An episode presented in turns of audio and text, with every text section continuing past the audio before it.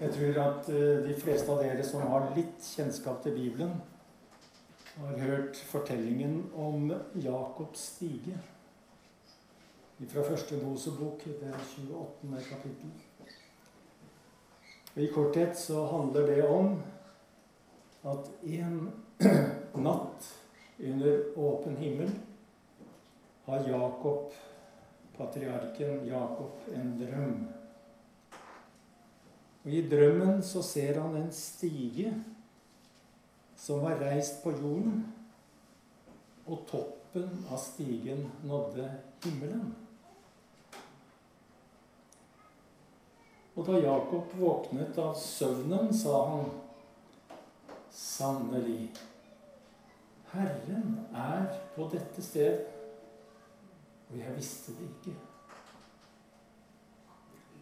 Og han kalte stedet Betel, som betyr Guds hus, eller Gud bor her. Jakob så en stige fra jorda til himmelen. En stige mellom menneskene og Gud. Og det er jo et veldig fascinerende og fengende bilde. Og jeg tror at alle dere som sitter her i dag, ser det for dere. En stige mellom jorda og himmelen. Det ligger jo et slags løfte i det, ikke sant? Og ikke sant Det er et bilde som er i stand til å vekke håp. Og kanskje røre ved en lengsel. Men kanskje er det bildet her også litt urovekkende. Herren er på dette stedet, og jeg visste det ikke. Det er gåtefullt.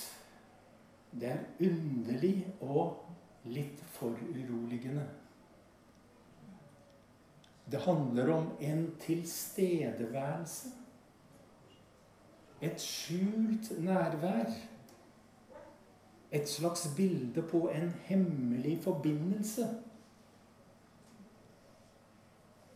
Og hør Det er jo dette Bibelen handler om.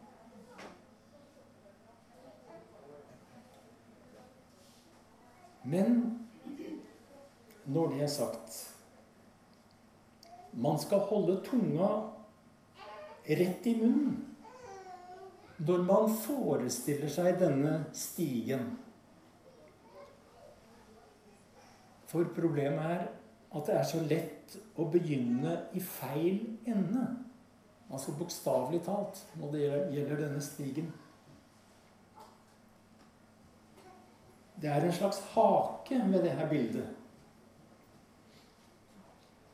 For en stige har et nederste trinn og et øverste trinn. Og hvis jeg utfordrer, utfordrer, dere her og nå til å tenke dere på hvilken, hvilket nivå Gud befinner seg på denne stigen Jeg er temmelig sikker på at dere alle sammen tenker Gud er øverst. Det er der haka er. Sånn. Vi tenker oss jo naturligvis at Gud befinner seg på det øverste trinnet. Og det gir jo da et inntrykk av at Gud befinner seg høyt oppe på toppen av denne stigen. Og at vår utfordring som mennesker er å lære oss å klatre opp disse trinnene. Sånn at vi kanskje til slutt kan nå opp til Gud. Problemet er at denne tankegangen er totalt ubibelsk. Og fullstendig snudd på huet. Får dere merke til at i denne framstillingen så er det meg som tar initiativet for å klatre opp. Altså at å søke Gud handler om å klatre oppover en lang stige. For kanskje å finne ham helt der oppe på toppen. Jeg snakker bare for meg sjøl. Jeg kommer aldri lenger enn til det andre trinnet før jeg gir opp. Men i hele, hele Bibelen skjønner du, er bevegelsesretningen helt motsatt. Det er alltid Gud som tar initiativet. Og nåden kommer alltid først. Og det gjelder også her vi sitter i dag. Hvis det er én ting som er klart i Bibelen, så er det at Gud ikke sitter passivt og venter på at jeg skal finne en måte å klatre på, så jeg kan kravle meg opp til ham at han sitter nærmest utilnærmelig på toppen av stigen og betrakter mine manglende klatreferdigheter. Nei, nei, nei. I Bibelens framstilling av Gud er det alltid Gud som aktivt og utrettelig søker meg. Så la oss gjøre dette fullstendig klart.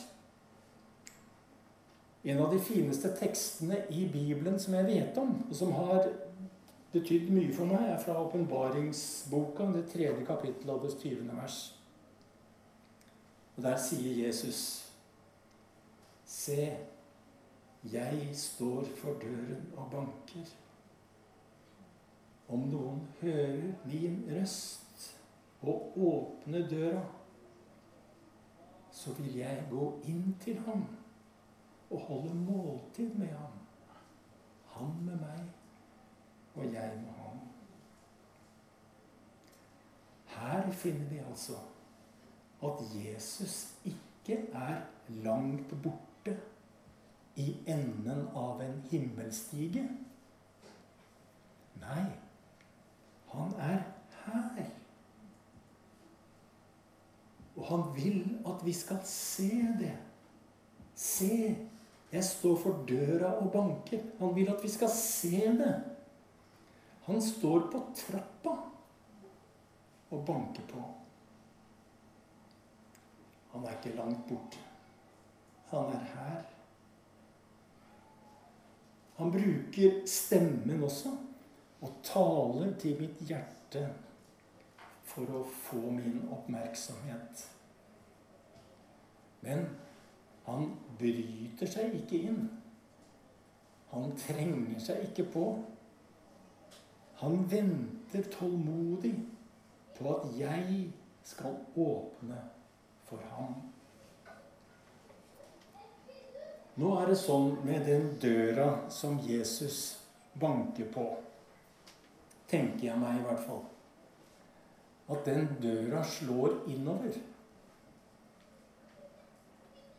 Derfor kan det hende at jeg må rydde litt i entreen for at jeg skal få opp den døra. Det kan jo ligge noen hindringer der. Noe som blokkerer. Noe som hindrer at Jesus kan komme inn, og at nåden fritt kan flyte og strømme inn. Hos profeten Jesaja står det Rydd, vei, rydd Herrens vei i ørkenen. Jevn ut en vei i ødemarken for vår Gud.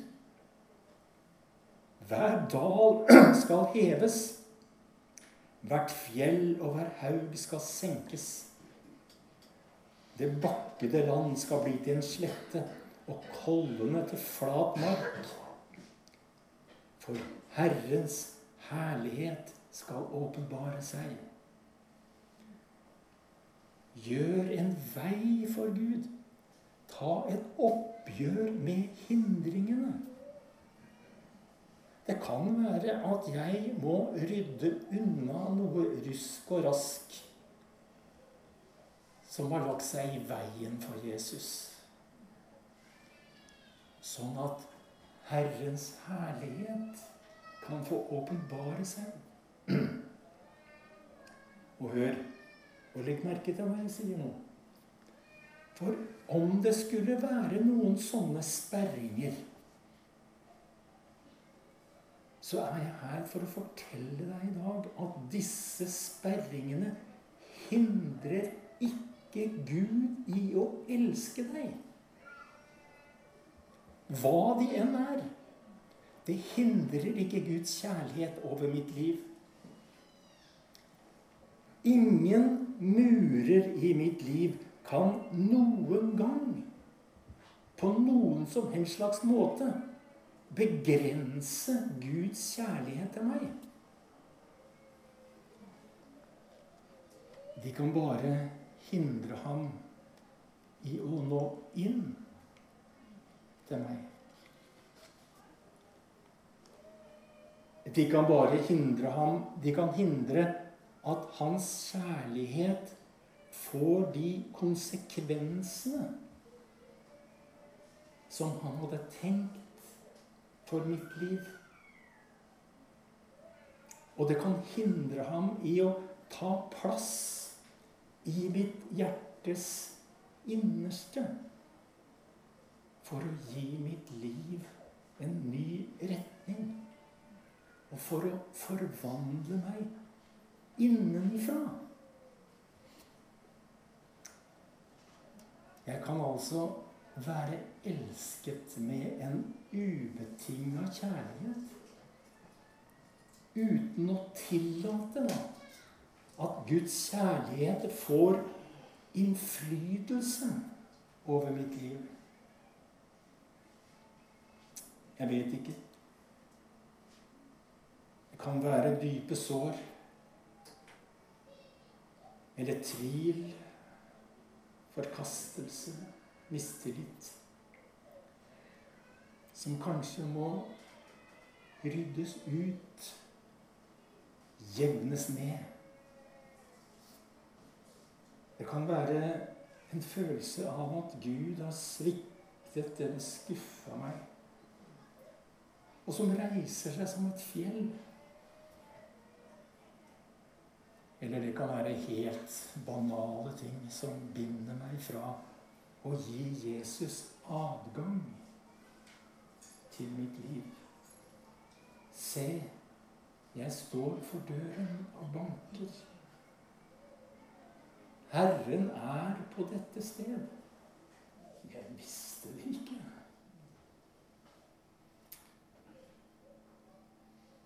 Men hvis du vil vite en eneste, i en eneste setning hva Bibelen handler om,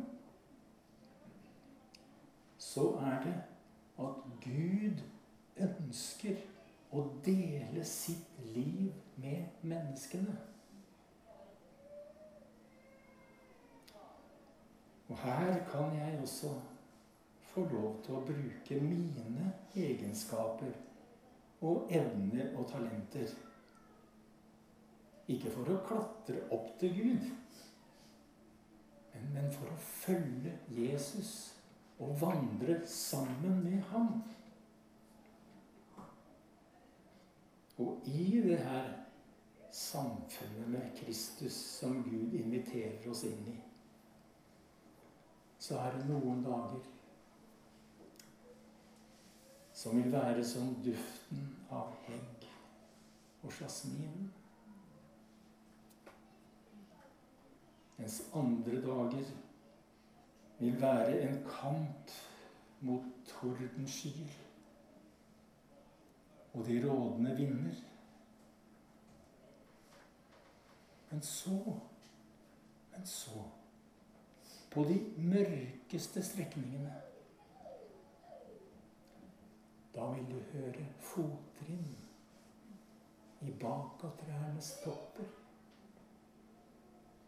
For å bruke et poetisk uttrykk fra Bibelen. Og når du hører fottrinn i bakatrærnes stopper, da vet du du kommer til å seire over filistrene. Du vet det. Dette her er et bibelsk kodespråk, jeg veit det. Men de fleste av dere kjenner språket. Jesus kommer som en gjest. En gjest som jeg kan ta imot eller overse. I Salme 40 står det Han bøyde seg til meg og hørte mitt rop. For i Bibelen handler det ikke om at det er jeg som må klatre opp til Gud. Det handler om at det er Han som bøyer seg ned til meg. Og gjennom hele historien har vi mennesker på alle tenkelige måter forsøkt å strekke oss mot Gud. Men i kjernen av Bibelens fortellinger er det Gud som kommer ned med nåde. I Bibelens underlige fortelling om det lille barnet som ble født i en stall. Der handler det åpenbart ikke om at det er mennesker som søker Gud. Men det handler om at det er Gud som søker mennesker. Da tidens fylde kom, sier Skriften, sendte Gud en baby. Og hvem kan motstå en baby? Når vi ser inn i dette barnets ansikt, ser vi inn i Guds ansikt. Det er den rette bibelske tolkningen av, Jakobs himmelstige. Ved bunnen av denne stigen ligger det en gave som jeg aldri kan gjøre meg fortjent til. Bare ta imot. Og på denne stigen, da, som det er så lett å forestille seg Da kan vi vel også forestille oss at det henger et skilt all klatring forbudt.